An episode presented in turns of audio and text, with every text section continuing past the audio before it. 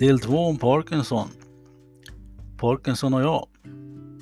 Och jag, det är Kent Lundholm i Umeå. Det är vansinnigt lätt att sjukdomen kan göra en till sitt eget livsprojekt. Ja, man stannar i sig själv. Man blickar inåt och man blir rysligt självupptagen och isolerad och ensam. Ja, man hamnar lätt utanför sitt sammanhang. I månens baksida och där är det mörkt och kallt. Har jag hört.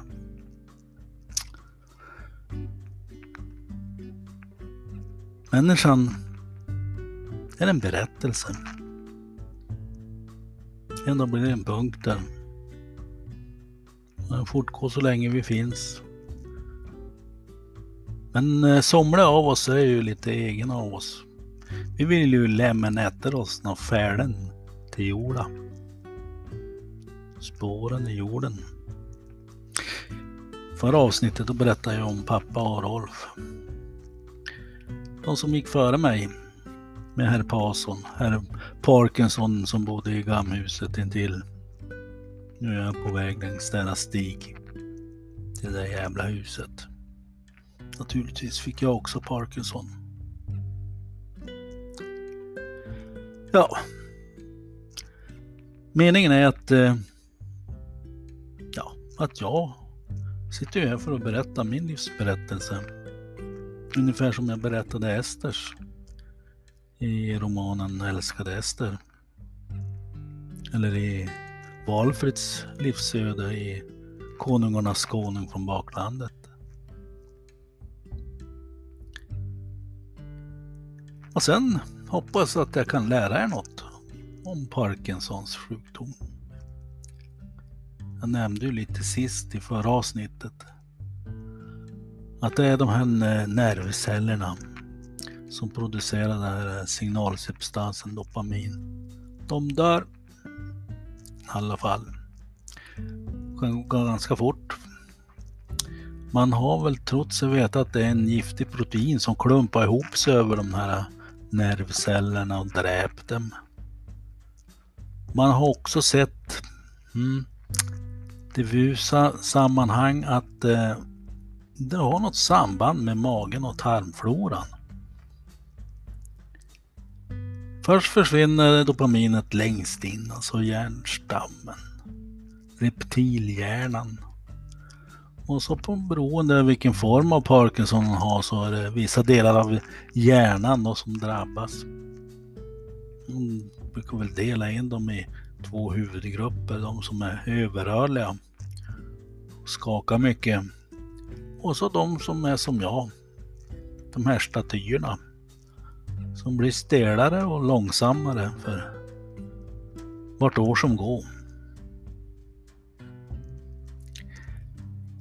Typiskt för, för eh, Parkinson det är att det är så gradvisa försämringar.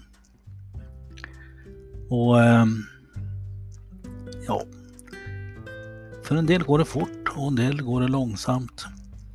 När det gäller överlevnad och, och ja, så är det de här stenstoderna som jag som har sämre prognos.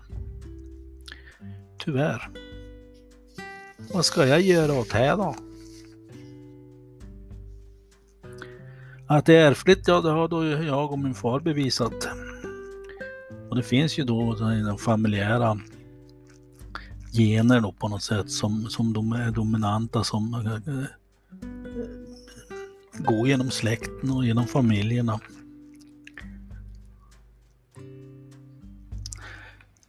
Det finns något också man har sett. Det kan finnas samband i miljön. För de som förr i tiden fick eh, hålla på med gifter hur som helst. Och eh, man har även tittat på bly. Och min far som var skogsarbetare, han berättade när det var djupsnöåren där då fick de gräva sig ner kanske en, en meter, en och en halv meter så de nästan försvann i det där hålet. Och så ställa sig där då och, och såga, toksåga med mycket bly i motorsågarna då. Eh, och det är klart, det där drog de i sig. Men jag tror inte det kanske var så med min far eftersom jag fått det och jag, jag har hållit en motorsåg två gånger. Båda gångerna, en gång, första gången så såg jag igenom en handske på farsan, men mitt emellan två fingrar så att det vart ingen fara. Andra gången då såg jag eh, rakt ner i stöveln hans och det var också så han klarade sig. Sen fick jag aldrig hålla i sågen, inte ens när jag var vuxen. Du är så jävla oslög, sa far till mig. Ja. Eh, ett symptom som hör till sjukdomarna, alltså, det är ju alltså, man skulle kunna säga mardrömmarnas sjukdom. Och det är en typ av, av eh, drömmar som tydligen mest vi Parkinsonsjuka har en, en störning i REM-sömnen som gör att eh, vi kan vara uppe och stulta och gå och folk tror att man är vaken. Men egentligen så är man i den djupaste av eh, drömmar. Man pratar redigt sådär men man, man sover. Eh, och det är inga roliga drömmar. Eh, man eh, kan till och med smocka till sin käraste. I natt så eh, sparkade jag soffbordet helt rent på glas och tallrikar. Eh, jag fick för mig att det var någon där. Det är Parkinson-drömmar det. Och de önskar man inte sin värsta fiende.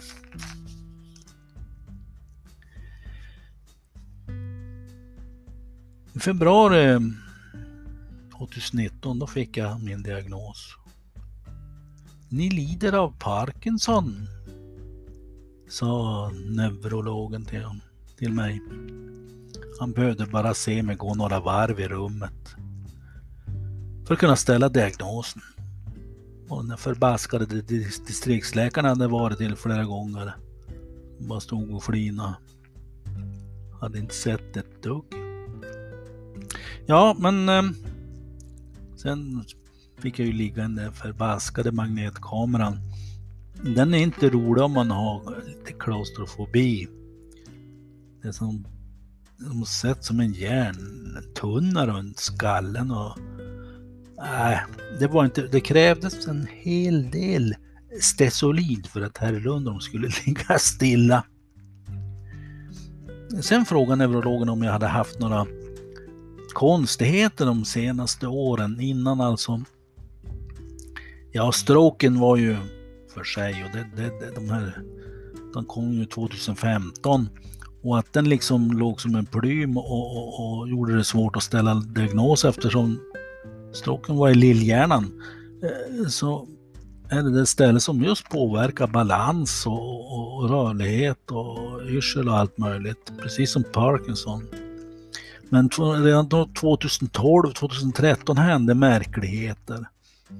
Jag glömde bort hur man skulle cykla exempelvis. Tog mig fasen inte upp på cykeln och kom jag upp så visste jag inte vad jag skulle med tramporna. Ja, det var så sjukt och så donk föll jag på sidan. Eh, sen 2012, eller, jo 2012 har herr Lundholm aldrig cyklat mer. Jag drabbades också där vid den tiden, före och efter 12, eh, fruktansvärda smärtstillstånd alltså. Det, jag hade så, det går inte att beskriva smärtorna. Det var som någon skar i mig med knivar. Och jag var tvungen att äta starka värktabletter periodvis. Eh, ja, eh, och det var också som man sa något typiskt som man kunde förana och sen är ju eh, Parkinsons sjukdom en smärtornas sjukdom också. Eh, vilka, som man säger, sena drag. De är inte av denna värld. Vakna upp med båda vaderna och under båda fotsulorna samtidigt. då kan man hålla sig för skratt.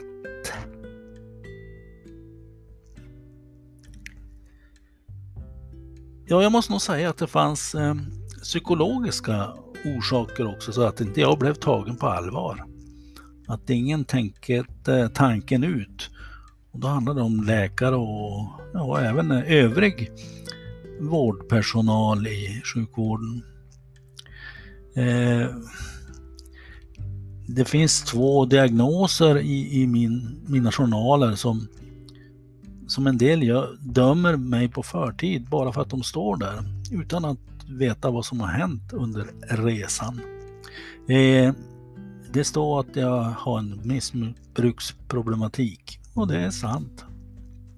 Men jag har varit nykter också i 12 år. Men det tycks inte räknas ett dugg för somliga. Och att jag är bipolär. En del tror tydligen att man är bipolär. Då är man galen precis dygnet runt. Men de har väl sett för mycket skräckfilmer och eh, tolkningar av psykopater med Robert De Niro för att tro att vi som har bipolär sjukdom är likadana. Men det är väl fasen inte.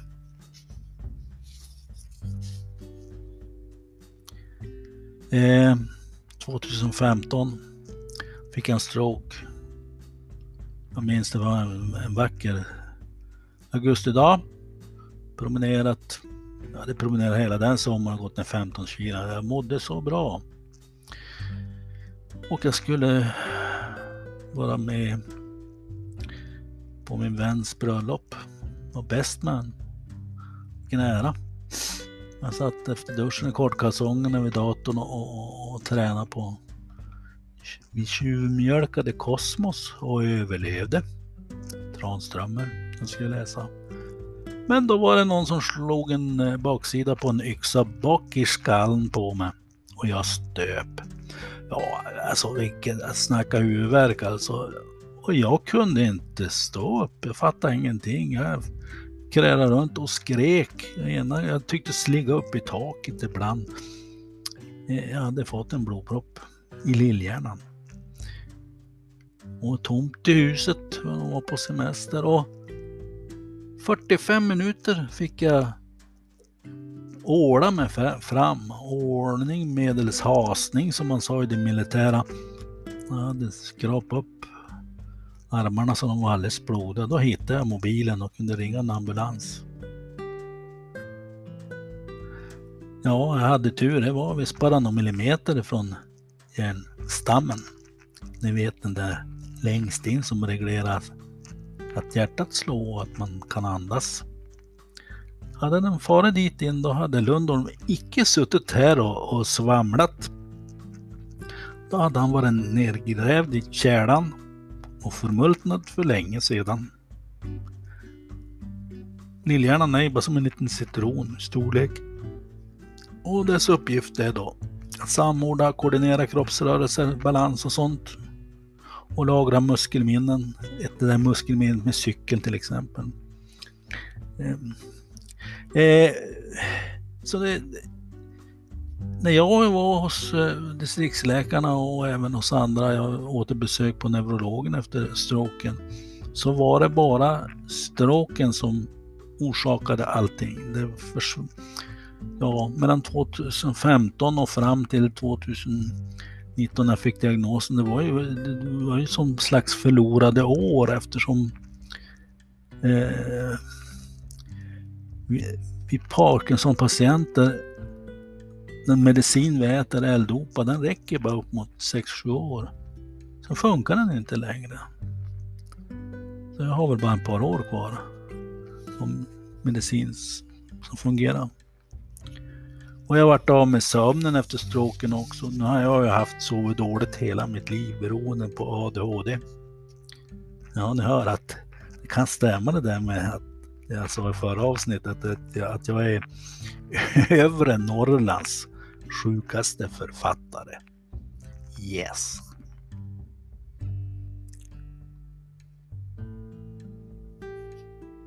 Men det finns de som säger att jag har varit en kämpe.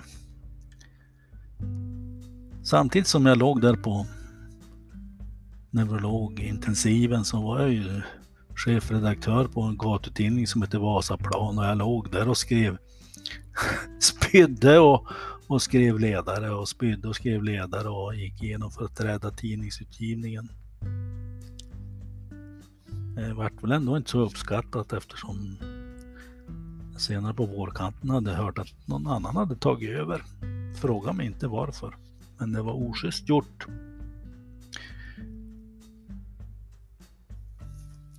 –2007, då började det bli riktigt jäkligt. Jag ska ut och plocka bär. Jag ska ha lite lingon, tror jag att det var. Eller blåbär. Sen har jag, jag är ju färgblind också. Eller defekt. Det är svårt att se dem där så att lutar mig lite framåt hela tiden för att kunna urskilja vart de ligger. Och jag ramlar ta med tusan överallt. Det här stämmer inte tänkte jag. Så här mycket kan inte en människa ramla och falla. Och eh, den sommaren så fick jag stipendium så vi bodde i Henning Mankels eh, hus två veckor och där var det en trappa. Jag tog mig inte ner för den där jävla trappan nästan. Lena fick leda mig. Nu förstod jag att det var något för Anders. På våren då for det första gången. Det var då jag träffade den här kvinnan, läkaren på hälsocentralen. Hon som bara stod och flinade åt mig. Ja, hon kunde kolla blodtrycket och skaka på huvudet. Det, det här är något som det ska. Det är från stroken. Det finns mycket enkla eh, tester man kan göra neurologiskt. Mm. Bland annat kan man kolla armlederna och där kommer tiden den här kugghjulseffekten. Man, ja, det är som det hakar fast hela tiden. Nej, ingenting och inte ska hon skriva någon remiss. Inte. Nej, nej, nej, nej, nej, vi ska inte oroa dem inte. Och jag fortsatte att falla. Och jag skulle bada och dyka och jag sjönk som en jävla sten. Jag hade glömt, precis som med cykeln, jag hade glömt bort hur man, hur man simmar. Jag höll på att dräpa mig. Och jag kunde ibland stå där och prata. Plötsligt kunde fötterna bara springa av sig själv. Huvudet före, rätt in i en sten. Glasögon åt helvete och drevben också. När jag skulle kliva ur bilen så föll jag och rullade under bilen. Men inte få fram mig. Så nu gick jag igen till den här doktorn. Tredje gången. Hon flinade lika mycket också. Hon sa ja, men det finns mycket annat man kan bli ostadig på benen på. Och då tänker jag att nu har hon läst i journalen där. Jag tror att det att jag smygsup. Och då hade jag varit spiknykter i 8-9 år när hon påstod det. Men sånt är ingen jäkel intresserad av. Inte ens när jag har varit 20 år och när jag då lever. Nej. Sådana människor kan man icke lita på. Men då sa jag till henne att om inte du skriver en journal nu eh, så anmäler jag dig. Så här kan du inte göra. Då skrev hon. Tre veckor senare var jag på neurologen. Och jag var i land. Som sagt, jag eh, började ju medicinera mig men jag fortsatte ändå och, och, och skakningar. Båda händerna, så en fin tremor, inte mycket men och då sa han att det, det, det där är inte Parkinson. Det där är litiumet du äter. Ja, litium. Men det äter de allra flesta för att vara stabil i sin bipolära sjukdom. Och det finns inte så mycket andra alternativ. Och jag tog upp det med min psykiatriker. Nej, det kan du inte ta bort. Ja, jag gick tillbaks till min neurolog. Jag skakade resten av livet då, skyll dig själv. Och jag försökte få dem att träffas. Det var fem minuters promenad mellan avdelningarna. De, eh, jag sa, ni kan, kan, kan ni ringa till varandra? Och, så jag fick fatta ett eget beslut. För jag kunde ju inte skriva på tangentbordet. Så jäkligt skakade båda händerna. Jag hade ett pekfinger som jag slog ner på men det skulle ju ta tusen år att skriva en bok. Så jag började att trappa ut. Och det var inte populärt bland psykiatrin. Men vad fan gör man när de inte fullvuxna välutbildade människor kan försöka att prata med varandra? I varje fall för patientens skull.